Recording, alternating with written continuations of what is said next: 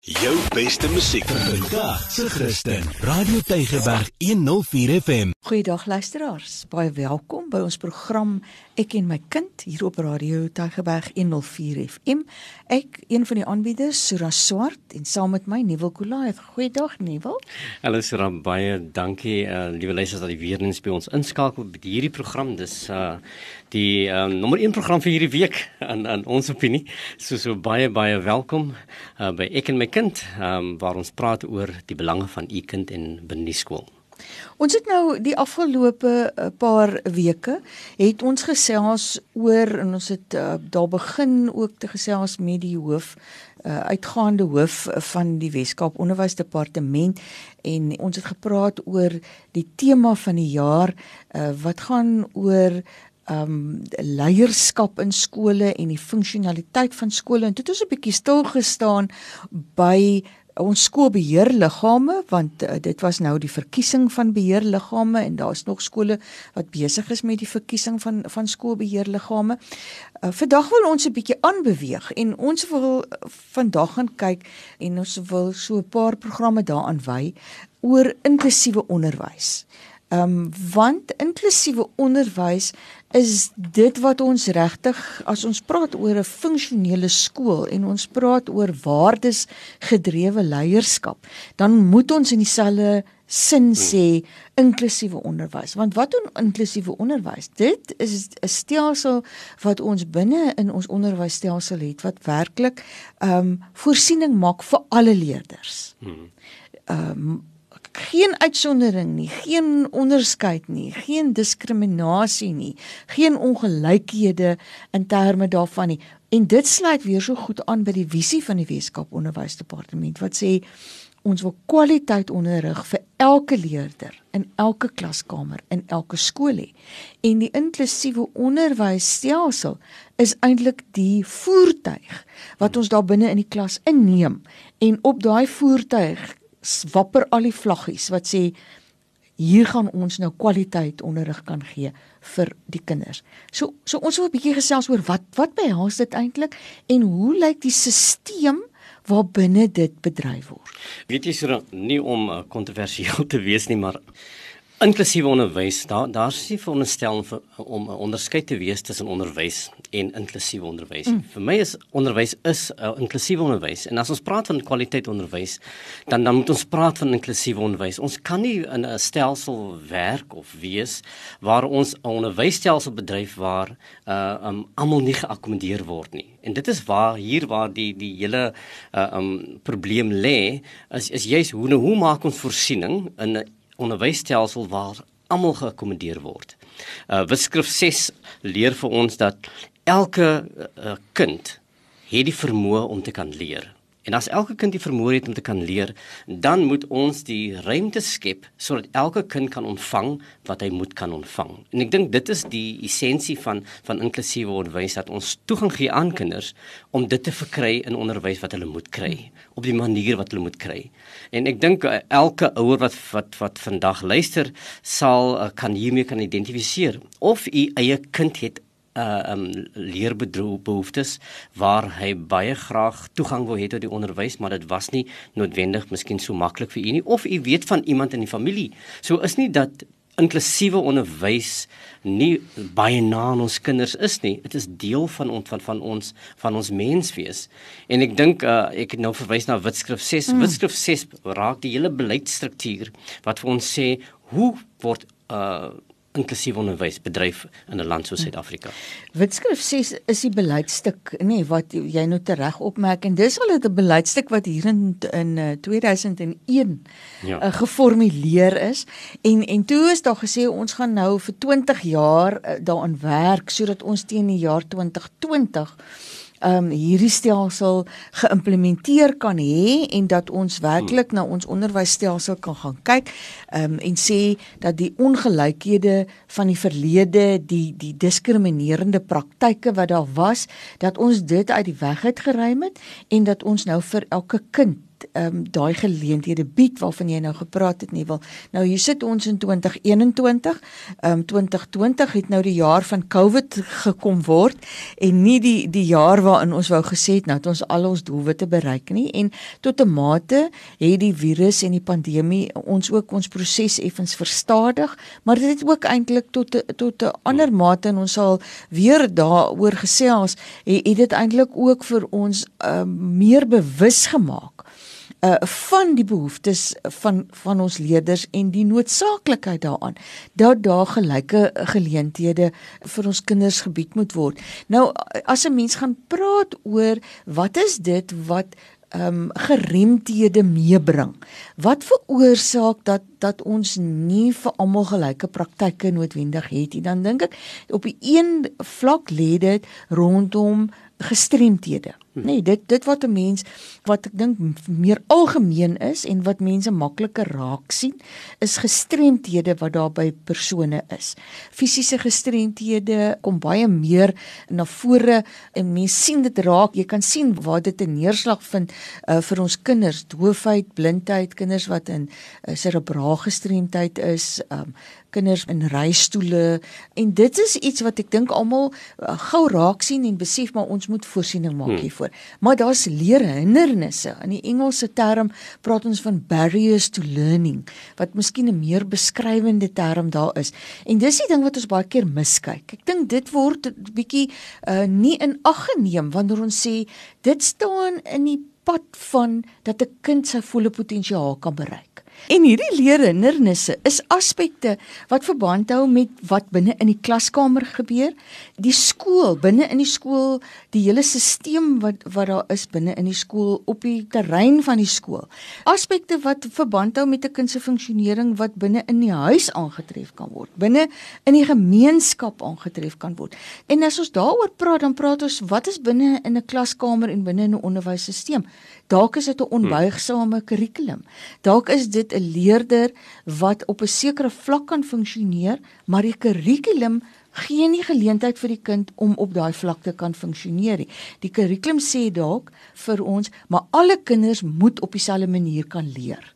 Terwyl ons weet alle kinders kan nie op dieselfde hmm. manier leer nie. Daar is iets soos taal Nee, die kind wat gebaretaal moet hê om te kan toegang hê tot die kurrikulum. Maar nou maak ons nie voorsiening vir die gebaretaal nie. Dis 'n dowe kind, dis 'n kind wat nie 'n uh, taal kan bemeester soos wat die res van die klas dit kan bemeester nie maar ons maak nie daarvoor voorsiening nie. Dis is aspekte wat verband hou met die kind se gesondheid, uh, maatskaplike toestande, sosio-ekonomiese omstandighede, die beskikbaarheid en die toeganklikheid van leer- en onderrigmateriaal. Dan is daar hierdie aspekte wat verband hou met ons ouers en wie versorg ons kinders en tot watter mate is die ouer bemagtig om hierdie kind 'n goeie ondersteuning te kan bied en vir die kind die nodige geleenthede te kan bied. So, dis 'n baie wyeer kyk na die hmm. kind. Dis eintlik holisties kyk, nie nie wil. Na na na die kind as ons praat oor die aspekte waarvoor ons voorsiening moet maak wanneer ons inklusief wil wees binne in onderwys. 20 jaar gelede toe ons nou hierdie ding begin het, so toe word daar gevra van wysers en uh, die breë publiek dat daar anders gekyk moet word na onderwys en na, moet gekyk word na hoe kinders leer. Geen effektiewe leer of onderriggewing kan plaasvind as jy nie weet hoe 'n kind leer nie. As ek nou persoonlik maak, my dogter het 'n leerhindernis gehad. Sy is 'n uh, um, partially sighted, né? So sy het 'n gesigprobleem. Hmm. Met die gevolg toe toe sy on, in die skool nou, nou haarself moet moet moet navigeer, haarself moet kan hanteer, toe sy outomaties fisiese gestremdhede wat haar verhinder hmm. om te kan bereik wat sy moes bereik. Right?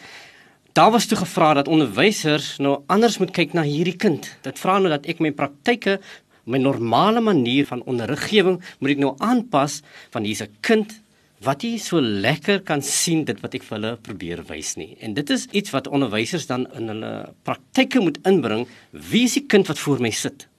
Wat is dit wat ek moet weet van hierdie kind? Sommige van hierdie aspekte, soos my dogter, het 'n uh, gesigsprobleem. So sy sien nie soos die wêreld sien nie. Uh, en daar's baie kinders soos daai of daar is dalk 'n kind wat nie hoor dit wat ek gaan sê nie. So miskien moet hierdie kind 'n aangepaste um, of wat wat noem jy hierdie FM stelsel het om om, om uitsaaier om te om te kan hoor. So as onderwysers dit nie weet nie, uh, dan sal hulle nooit uh, gaan hulle nie goeie onderwyser wees nie. Jy gaan jy sal nie jou teaching kan doen nie. Maar dis die goed wat baie keer duidelik is vir mense om te kan sien. Maar soos jy nou sê leer hindernisse is nie altyd so uh, sigbaar nie, ja. nie. Dan is dalk die kind wat wat in uh, wat 'n sosiale hindernis het. Hmm. Hy kom uit 'n gemeenskap uit waar daar geweldige klompie trauma is en as 'n kind trauma beleef, dan is hy ook nie gereed vir leer nie. En dis ook iets wat 'n onderwyser moet weet. Nou, hoe pas ek my kurrikulum aan net so pas? Daarna verwys sodat dat dat daar is kinders wat verskillend leer. Nommer 1, dit wil sê daar moet verskillende leerstyle sit in my klas. Nou, sommige van hierdie kinders is visuele leerders. Dit wil sê ek moet baie prentjies wys sodat die kind kan verstaan wat hy sê. Of die mense van die ouer generasie nie, hulle was auditiewe leerders, nê? Mm. Jy kan dit hoor en jy kan jou eie prentjie maak mm. en, jy, en jy kan weet dan wat die onderwyser vir jou verduidelik. Maar dan is daar kinders wat met apparate moet werk en hier sit waar die leerprogram op so 'n manier gerad moet word dat daar dinge is wat 'n kind kan manipuleer om te kan verstaan dis een doppie en hy's twee doppies mm. en en dis wat hy nodig het om dan te kan tel. So binne ons onderwysstelsel gaan ons of die bronne wat ons daar het sal so aangepas moet word dat daar genoegsame bronne is sodat kinders leer kan access. Hmm. Maar ons weet ook vir 'n skool om dit te kan doen, sal 'n skool haarself moet organiseer om seker te maak ons gee die ondersteuning wat alle kinders nodig het want ons weet nie noodwendig wie sit met die leerhindernis en wat is dit wat ons dan doen om dit, om dit te kan gee nie. En om dit ook te kan doen is dit nodig dat ons sal moet gaan kyk want jy kan nou ek dink die van u wat nou luister sou nou besef en dalk u wat nou vroeër daar in die onderwys is dit skud dalk nou julle koppe en sê joe maar onderwys het ingewikkeld begin word mm. want dit raak dis lank nie meer dat ons net in die klaskamer kan instap en daar kan gaan staan gaan en ons les aanbied en uitstap en ding. Nou het ons alle kinders bereik het nie. Ek dink uit die gesprek tot dusver was dit baie duidelik dat dat daar kinders is wat op verskillende vlakke funksioneer.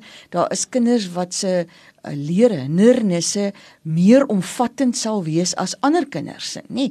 Daar is kinders wie se leer hindernisse en um geremdhede, gestremdhede dalk korttermyn is, dalk medium termyn is, hmm. maar dan is daar die wat langtermyn is vir wie daar baie meer intensiewe ondersteuning gegee moet word. So en dis hoekom ek ook gesê het dat ons ons het ook die besef begin kry dat as ons oor gestremdheid praat, dan kan ons nie net almal onder dieselfde term uh, sit nie.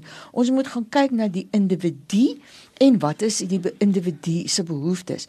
Nou om daarvoor voorsiening te maak, maak Witskrif 6 ook dan nou voorsiening dat ons verskillende vlakke van ondersteuning bepaal. Dat wanneer ons met 'n kind begin werk, dan is dit so nodig dat daar genoeg inligting van hierdie kind beskikbaar moet wees. En en en daarom ook altyd die versoek ehm um, van skole en van onderwysers dat dat u as ouers moet skakel hmm. met die skool. Dat jy wanneer jy jou kind skool toe neem, die die tyd sal neem om met die onderwyser te gaan sit en 'n gesprek te gaan voer oor jou kind. Ehm um, ek het uh, al so baie kere 'n pleidooi daarvoor gehad en gesê jy kan nie jou kind by 'n vreemde man en vrou gaan aflaai nie. Hmm. Jy moet mos daai beskerming oor jou kind hê. Hulle moet jou kind mos verstaan vir dit wat jy van jou kind weet, nê? En en dis dit is die deel daarvan. Dat dat die onderwyser wat jou kind in die klaskamer ontvang, moet weet is daar dalk geremdhede of gestremdhede wat gaan maak dat hierdie kind individueel benader moet word in die klas? Wat gaan staan tussen die toegang tot die kurrikulum en die vermoë van die kind om sy volle potensiaal te kan bereik? So ons ons sê kom ons uh, ons ons ons maak baie inligting. Ons gaan vra ook wat het voorskools gebeur. Hmm. Moes die kind dokter toe gaan? Is daar dalk gereelde oor probleme wat wat daar by die kind was? So so al hierdie inligting word saamgevat om dan te sê daar's verskillende vlakke en nou moet ons gaan kyk op watter vlak gaan die kind die beste manier gehelp kan word. Want inklusiewe onderwys sê ook nie ons kan alle kinders binne in een klaskamer met al die behoeftes wat daai kinders het hanteer nie. Nee, dit is dit is ook regtig dink ek 'n bietjie van van 'n 'n 'n paradys gedagte as ons dit hmm. wil doen. So so ons organiseer die die die vlakke van ondersteuning binne in strukture waarbinne daai ondersteuning gebied kan wees. Die eerste struktuur is die klaskamer. Maar nou het ons dalk besef, maar hierdie kind het meer uh behoeftes wat aangespreek moet word en nou vra ons kan ons die hulp na die kind toe bring? Kan ons van buite af dienste gaan gaan aan aanwend of bymekaar maak of is daar opleiding wat ons van die onderwysers binne in hierdie skool kan gee sodat hulle die kind se behoefte kan ondersteun? Of moet ons ander dienste inbring? Moet ons gaan kyk het ons dalk arbeidsterapeute of eh, spraakterapeute of sielkundiges daar buite wat ons kan koppel aan hierdie skool? en wat ons dan van praat is 'n voldiensskool. Nou kan al die dienste wat die kinders in die skool nodig het, na die skool toe kom en dit kan hier by hierdie skool vir die kind gegee kan word. Maar nou nie wil ja. is daar ook kinders wat meer as dit nodig het, nê? Nee? Dis reg so dat jy wat jy nou daar sê is dat die die eerste prys natuurlik is dat ons die kind help ehm um, in die skool daar waar hy leef, nê, in ja. sy leefruimte dat dat indien 'n kind geïdentifiseer word met leerhindernisse, as ons die kind kan help by sy tuiskool, by die skool daar waar hy waar hy woon, dan help ons hom daar en ons rust onderwysers toe. Ons pas die skool aan waar ons kan. Jy sal ook gehoor by sekere plekke het die onderwysdepartement uh die uh um trappe by skole weggeneem en en uh soort rolstoele toeganklik hy kan hê tot 'n skool en by sekere skole is daar selfs 'n huisbak ja, ingesit ja. nê dat dat die kind kan gaan na die uh, boonste vloere van die skool so waar ons 'n kind kan help by die skool doen ons dit reg uh maar dan besef jy daar's kinders het soms meer nodig as wat die skool en die onderwys uh onderwyser kan kan kan bied en dit is waar ons natuurlik hierdie voldiens skool het nê so dan baie van u het miskien nog nie gehoor van 'n voldiens skool nie, maar dis 'n skool wat wat toegerus word met die mense wat jy nou gesê het Sura wat wat belangrik is om die dienste te lewer aan die kind. Dis 'n skool wat meer het as 'n gewone skool. Jy gaan miskien 'n terapeut by die skool het wat wat uh, op 'n weeklikse basis besoekdag en kom af lê en help die kinders wat wat gehelp moet word. Jy gaan 'n sielkundige of 'n maatskaplike werker hê van tyd tot tyd wat wat daar sal inpop en en 'n uh, sekere gevalle ondersteuning bied. 'n Leeronder spesiale leerondersteuningsprogram sal vir die kind geskryf word en die voldiensskool uh, is is die skool as jy so baie in hierdie provinsie nie, maar ons wil baie graag hê elke skool moet 'n voldiensskool wees. Maar dis natuurlik 'n skool wat as baie geld daaraan verbonde want mense sal verkry moet word en aangestel moet word.